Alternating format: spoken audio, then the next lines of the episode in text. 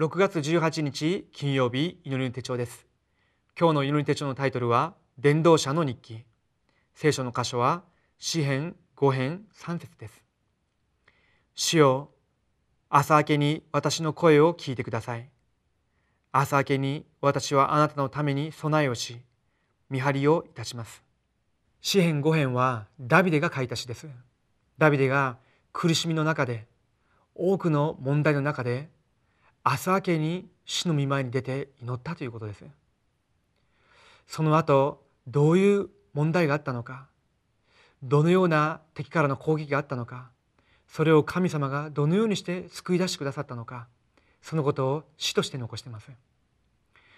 詩編5編の12節を見てみると「主よ誠にあなたは正しいものを祝福し大盾で囲むように愛で彼を囲まれます」と記しています。これがダビデの人生の告白です。私たちは神様の恵みによってキリストによって救われた神様の子供です。私に与えられている身分と権威というのはものすごいものです。同時に私たちは伝道者です。以前までの私の人生とは違うということです。もし皆さんの中で自分の人生は本当にちっぽけだとか価値のないものだとか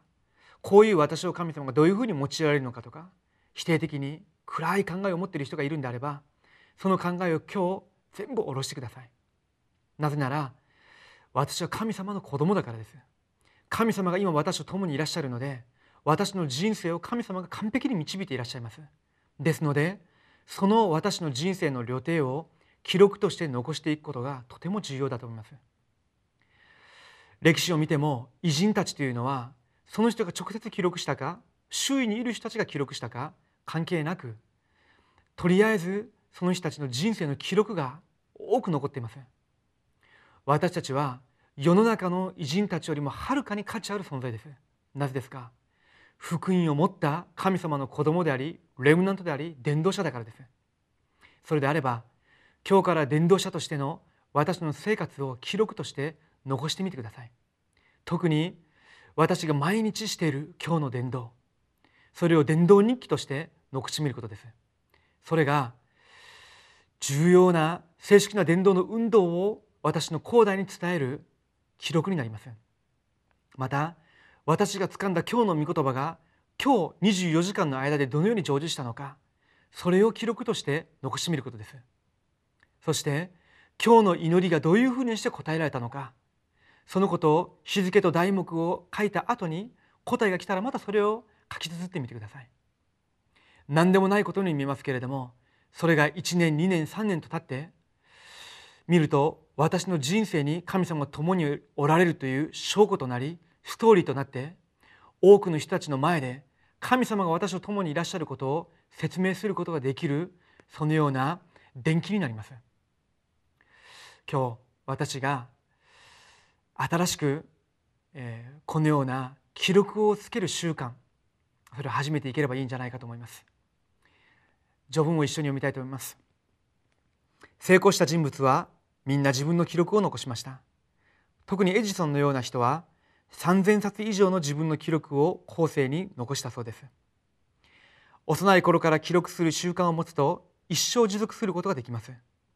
特に伝道者が伝道者の記録を残すことができるなら時代を生かす答えを受けるようになるでしょう。一つ目です。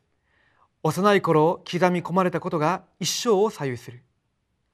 幼い頃から運動の習慣が正しく刻み込まれると生涯を健康に過ごすことができます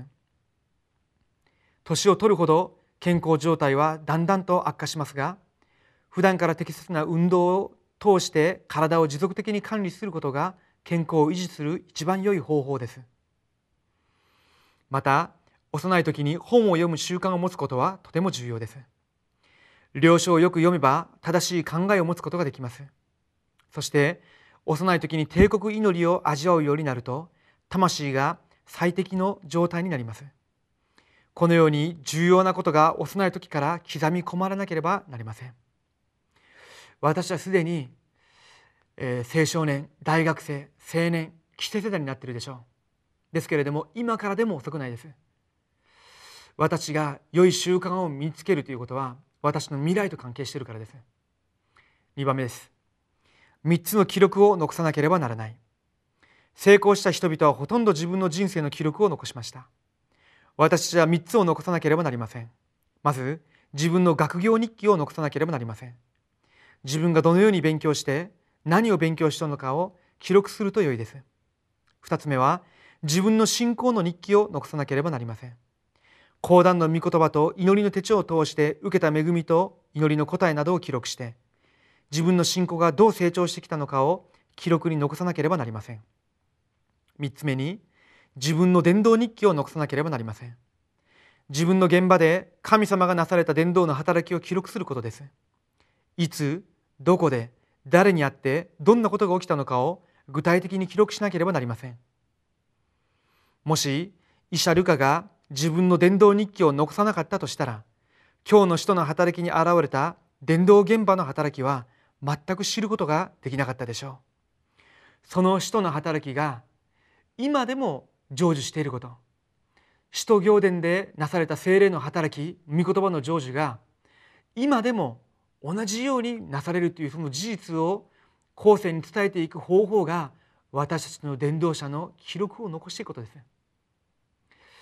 3つ目です。必ず週間スケジュールを立てなければならない。毎日スケジュールを持って生活しなければなりません。そうしてこそ今日の伝道今日の御言葉今日の祈りが意味を持つようになります。この時すべての出会いが意味のある祝福になります。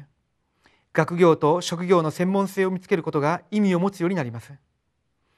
私たちは世界を動かす重要な人物であることが確かなので今からこれを必ず備えなければなりません。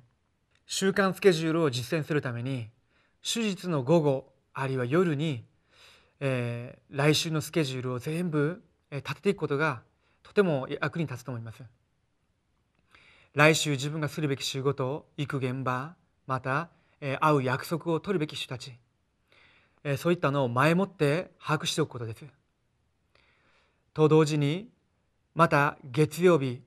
明日行く現場スケジュール出会いそれをまた確認することです。そうしながら明日の伝道を準備することです。要するに明日私が会う人にどういう資料を渡すべきか。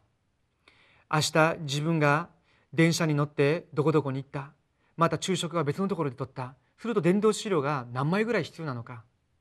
そういったことを前もって前の日の午後に準備をしておくということです。そうして、え前の日の午後に明日の御言葉をあらかじめ読んでいくといいんじゃないでしょうか。すると次の日の朝短い時間であったとしても今日の伝道御言葉と祈りというのがもう少し深く逃げると思います。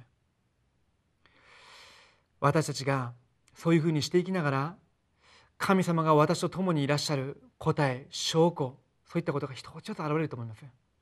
それを記録として残していくことです。伝道者の日記を今日から新しく始めていきましょう。今日のフォーラムの主題です。今日自分自身の人生を書き留めるための伝道者の日記帳を作ってみましょう。日記帳に学業仕事信仰伝道の人生を記録してスケジュールを整理しながら今日の伝道今日の御言葉今日の祈りを記録してみましょう。お祈りします。神様が私たちを伝道者と召してくださり感謝を下げます。神様が共におられる私の人生を今日から記録し始めるようにしてくださり特に私が今どのようにして学業をしているのか私が今どのようにして仕事をしているのかまた自分自身の信仰生活がどのようにして神様に導かれてきているのか伝道運動を自分自身がどのようにしてきているのか一つ一つ記録していきながら神様が共にいらっしゃるその証拠を自分の周りにいる人たちにいつでも説明することができるぐらい神様私たちに伝道者のその日記をつける習慣を備えさせてください。私の後世レムナンたちがそれを読むときに伝道者の生き方というのがこういうものなんだと確認することができるように神様が私たちの人生を祝福してください。生きとられるイエス・キリストの皆によってお祈りします。アーメン。